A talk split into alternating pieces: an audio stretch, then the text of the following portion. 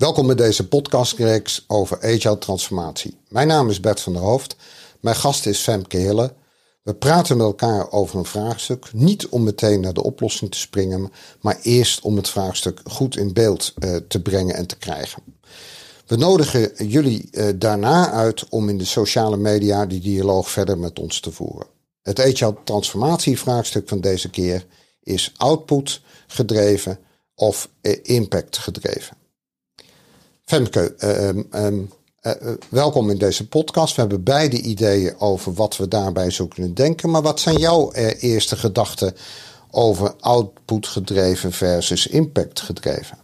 Ja, ik denk dat daar in de transformatie echt nogal wat aanwijzingen zitten om, om meer succes van agile te kunnen beleven. Dus wat, wat ik denk, als ik denk aan output, dan gaat het echt over activiteiten, eh, taken, daar handen en voeten aan geven. En dan blij zijn met wat je uh, gedaan hebt. Dus kunnen afvinken, ik heb goed gewerkt, want ik heb mijn taak netjes gedaan zoals afgesproken. Um, wat, je, wat je najaagt volgens mij als organisatie, is om echt een waarde te leveren aan je klant. Uh, en dan ga je al gauw naar de impact. Wat, wat doet ja, hoe beleeft uh, een persoon die aan de slag gaat met mijn producten of mijn diensten, hoe beleeft hij dat? Um, en dan heb je dus een veel tragere loop aan om te, om te kijken, ben ik goed bezig? Uh, want iemand moet het een tijdje gebruiken. En, en dan moet je er nog achter komen, uh, heb je er echt lol van of niet? En dat kan je niet voorspellen. Dat moet je, dat moet je checken aan het eind. Um, ja, en als, je, als je dat zegt, hè, van dan, um, uh, dan wat is jouw beeld van, um, van organisaties op dit moment? Waar, waar ligt uh, de balans? En ik zal, ik zal het waarderen met een ervaringsvoorbeeld van mezelf. Ik heb, uh, ik heb een bank. al wat jaartjes geleden heb ik een bank gereviewd over hun voortbrengingsketen. Mm Daar kwamen we tot uh, eigenlijk de stelling van ja, het is uh, nog uh, volledig gestuurd vanuit de silo's. Iedereen kijkt naar, naar zijn eigen afdeling. Maar staat, heel plat gezegd, als je met je neus naar je leidinggevende staat, sta je met je kont naar de, in de keten. En kijk je, naar, kijk je niet de goede kant uit. Laat staan dat je ook de beleving hebt. Is dat iets wat jij dan herkent? Ja, ik herken het wel. Um, ik, wil, ik wil even iets meer respect tonen voor het, het output gedreven stuk, zeg maar. Dus ik, ik waardeer enorm dat we met z'n allen um, aan de slag zijn. Dat we keihard werken om dingen voor elkaar te boksen. Wat ik echter merk is dat we, uh, dat we in bedrijven, en of het nou een bank is of, of een overheidsinstelling, um, we, we, we lijken bezig te zijn met zenden. Een soort van zendingswerk. Ik vind dit goed en hier heb je het. Het moet goed zijn, want, want ik heb met heel veel aandacht. Uh, dit gepresteerd. Zoals een kok die zijn best doet en een vijf gangen menu uh, uh, eigenlijk aanbiedt aan iemand die maar vijf minuten tijd heeft. Um, ja, en, en, en, en ook niet de afspraak heeft dat dat dan echt oké is. Maar, maar ergens in de veronderstelling is: ik ga jou voeden en ik ga jou helen over de aankomende tijd met deze ene maaltijd. En de impact van deze maaltijd is dat jij uh, uh, twee kilometer harder kan rennen dan dat je voorheen doet.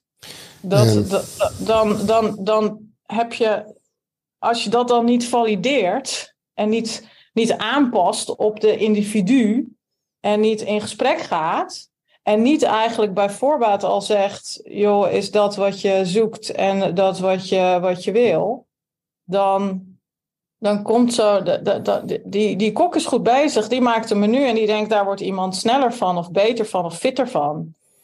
maar als je het niet valideert, kom je er dan achter of dat echt de oplossing was. Of dat je het in een, in een andere combinatie moet zoeken. Of het nou eten is of beweging.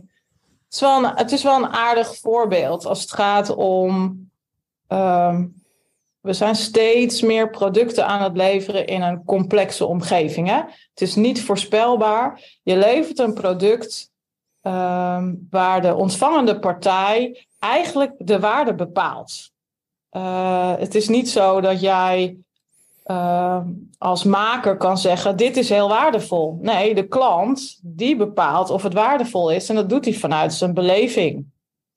Ja, en als je het hebt over de klant, praat jij dan over uh, de klant, de eindklant? Hè? Bijvoorbeeld, wij werken samen in een, in een productieomgeving en ergens buiten is de klant. Bedoel je dat dan als klant? Of als ik iets aan jou lever, ben jij mijn klant?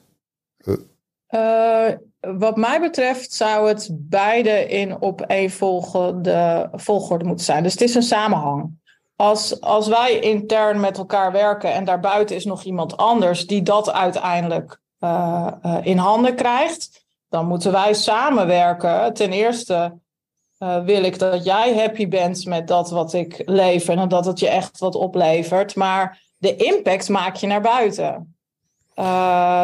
Dus mijn, mijn output, ik lever iets aan jou, mijn output levert bij jou uh, dat je verder kan, of dat je het kan uitbreiden, of dat jij uh, makkelijker functioneert. En dat heeft uiteindelijk een impact bij de persoon buiten het bedrijf, die zegt: Oh, ik wil het kopen, of die zegt: Oh, ik heb een beter contact met deze instelling, of nou ja, uh, dat wat beleefd wordt. En beleving is niet voorspelbaar. Dat is echt best wel een lastige. Dat moet je achteraf bevragen. En wat ik zie is dat wij uh, in organisaties, of in ieder geval, dus ik merk het ook bij mezelf, dat wij heel makkelijk praten in activiteiten. Dus we vragen ook aan elkaar: oké jongens, we gaan, uh, we gaan aan de slag. Wat gaan we doen? Niet, we vragen niet aan elkaar: wat gaan we bereiken? En als je dan gaat valideren, ga je, als je vraagt aan elkaar bij het begin: wat gaan we doen? Wat is onze output? Gaan we de output valideren? Terwijl als we gaan praten over wat gaan we bereiken, dan kunnen we veel beter, omdat we van tevoren gesteld hebben dat we iets willen bereiken, kunnen we dat wat we bereiken gaan valideren.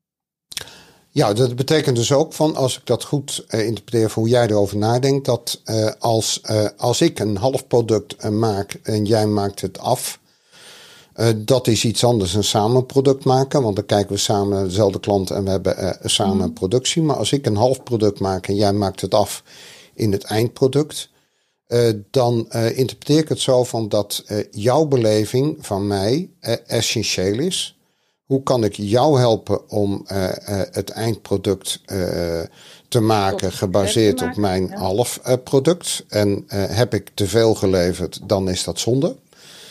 Um, uh, maar ook het toetsen, het valideren. Femke, ik heb dit gedaan. Sluit het aan bij jouw verwachtingen?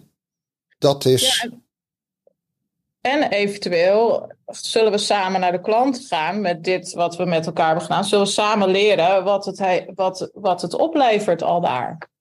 Um, ja, als we samen een product maken. Als, ik, ja. ik denk ook van als ik iets aan jou lever en jij bent uh, bijvoorbeeld uh, de marketeer die het product uh, verkoopt, dan hoef ik niet mee te gaan naar de klant, want het kost ons allemaal tijd. En we willen natuurlijk wel lean zijn. Zolang ik een beeld heb van wat jij wil en jij van de klant. Um, ja, en dit vind ik een spannende. want je hebt gelijk als het gaat om, om efficiëntie. Maar als het gaat om effectiviteit, moet je ook nadenken over, kunnen we niet gewoon een, misschien een paar keer per jaar, hè, om die efficiëntie ook een beetje erin te houden. Uh, maar een paar keer per jaar gewoon echt even in contact komen met die omgeving. Uh, en echt verbinding maken met waartoe ben ik hier dit halffabrikaat te leveren. Um, dan, dan, dan hoeft het niet helemaal Scrum of, of Extreme Programming-achtig dat je naast de klant continu bezig bent met die productontwikkeling. Dat mag best een tandje lager op als het een ander ehm, niveau heeft. Uh, ik, ik, ik, volg je, want dat betekent dat, uh, dat uh, je niet meteen hoeft mee te denken: ik ga, als jij naar de klant gaat, ga ik met je mee. Het kan natuurlijk ook andersom. Zo heb ik bij een pensioenverzekeraar gewerkt. En daar hadden we de jaarlijkse klantenarena. En daar ja. luisterden we naar klanten. En dat was geen kleine bijeenkomst. daar zaten vele tientallen mensen die betrokken waren bij de reflectie. Bij een consultieorganisatie heb ik dat ook gehad.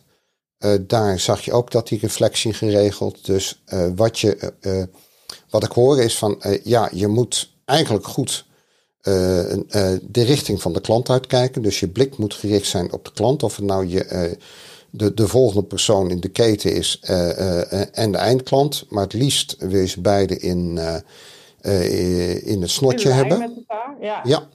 En je moet zorgen dat je reflectie regelt. Ja, en, en dan is het dus heel interessant. Kijk, kijk we zijn ooit binnen de, de IT hebben echt een hele stap gemaakt van test-driven development. Hè? Dus, dus we zijn uh, op een gegeven moment een beweging gaan maken om dat, om dat testen helemaal naar voren te halen.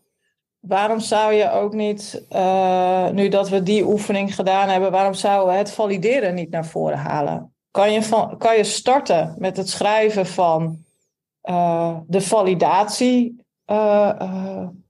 ja, de, de, de, de acceptatiecriteria, zeg maar, kunnen, we, kunnen we de validatie onderkennen die we aan het eind zouden willen bevragen. Dan ontplooi je dan activiteiten daarop, omdat je denkt dat die activiteiten en die, die productinvulling die validatie gaat, gaat halen, zeg maar. Uh, om dan echt aan het eind veel makkelijker daadwerkelijk te gaan valideren, want je hebt alles al uh, onderkend. Uh, en dan wordt het ook veel makkelijker om in die, in die, in die combinatie te gaan. In plaats van te zeggen: Ik heb gedaan wat ik beloofd te doen en nu is het, nu is het klaar. Met een goedkeuring. Ja, er zit wel een achtergrond achter van dat als je weet wanneer je toe wil, dan kan je dat doen. Hè? Maar als we die aanpak hadden gehad in 96, toen mensen op straat werden geïnterviewd of ze een mobiele telefoon nodig hadden, dan, dan was het antwoord collectief nee. Dus soms moet je de keuze maken van, van ja, wij weten niet wat de klant wil, maar je kan het wel aanbieden. Je kan wel voordenken, ja. je kan wel uh, een mock-up maken. bijvoorbeeld in plaats van een heel design te maken van, van een, een, scherm, kan je hem ook op je iPad tekenen. En dat valideren. Um, ja, dus soms weet iemand nog niet wat hij, wat hij zou kunnen willen betekent dat je echt in een soort van research en development ook als maker gewoon echt begot niet weet waar je mee aan de slag gaat. Uh, misschien met een, met een uh, visie uh, en een passie dat je iets ontwikkelt. Ehm, maar juist dan wil je een hele goede, intensieve samenwerking met, met klanten om je data terug te kijken, krijgen. Maak ik een stap die richting in? Of maak ik een, een stap ervan af? En ik geloof nooit dat er uh, uh, met die smartphone bedacht is: uh, dit is het product. Ik denk dat, dat ze gedacht hebben: hoe krijgen we de computer in je broekzak? Zodat je toegang hebt tot al die informatie die we zo fijn vinden aan het bureau dat je die veel meer lokaal op iedere plek hebt. Dus, dus ook daar zullen ze nagedacht hebben over een beleving die erachter zit. Uh, of misschien hebben ze het zelfs niet eens bewust in de gaten gehad dat ze dat aan het doen waren. Maar dat, uh, maar dat is wel wat je najaagt. Je, je jaagt iedere keer die, die beleving achterna. en ik, ik heb het idee dat we dat nog te weinig benoemen. Nou valt het ook niet mee om, om um, effecten en belevingen uit te schrijven. Hè? Dat, dat is best een lastige. Het is veel makkelijker om te zeggen: ik ga nu dat doen. Um, uh, Maar dat zou wel mijn. dat, ik denk dat als we echt met z'n allen succesvol agile willen gaan functioneren, dat we die slag met elkaar moeten gaan maken. Ehm, schrijf nou eens op wat je wil bereiken. Eventueel eerst door je activiteiten te benoemen, maar dan even af te vragen: maar wat wil ik bereiken met deze activiteiten? Vaak zijn het prima activiteiten. Dus, dus uh, ik wil ook echt niet zeggen we moeten het helemaal omdraaien. Uh, maar, maar wel benoem het effect wat je najaagt. Ja, want je hebt geen uh, impact zonder output. Exactly. Maar met output heb je nog geen impact. Nou ja, je zegt het ontzettend mooi. Ehm, goed, maar daarmee zou ik ook meteen, want onze tijd zit erop. We hebben als streeftijd 15 minuten voor deze podcast. Uh, onze verkenning uh, zit erop. Uh, we weten dat we niet compleet zijn geweest. En we weten ook niet wat, wat we missen en welk tegengeluid jij zou kunnen laten horen. Kom daarom op de lijn via de link onder deze podcast en deel je mening. En als je dat wilt, dan zouden we je ook kunnen uitnodigen voor een volgende podcast om jouw stem te laten horen mag ik de luisteraars eh, bedanken. Eh, Femke, eh, jij ook bedankt. En tot het volgende plek der moeite in onze podcastreeks. Dank je. Dankjewel.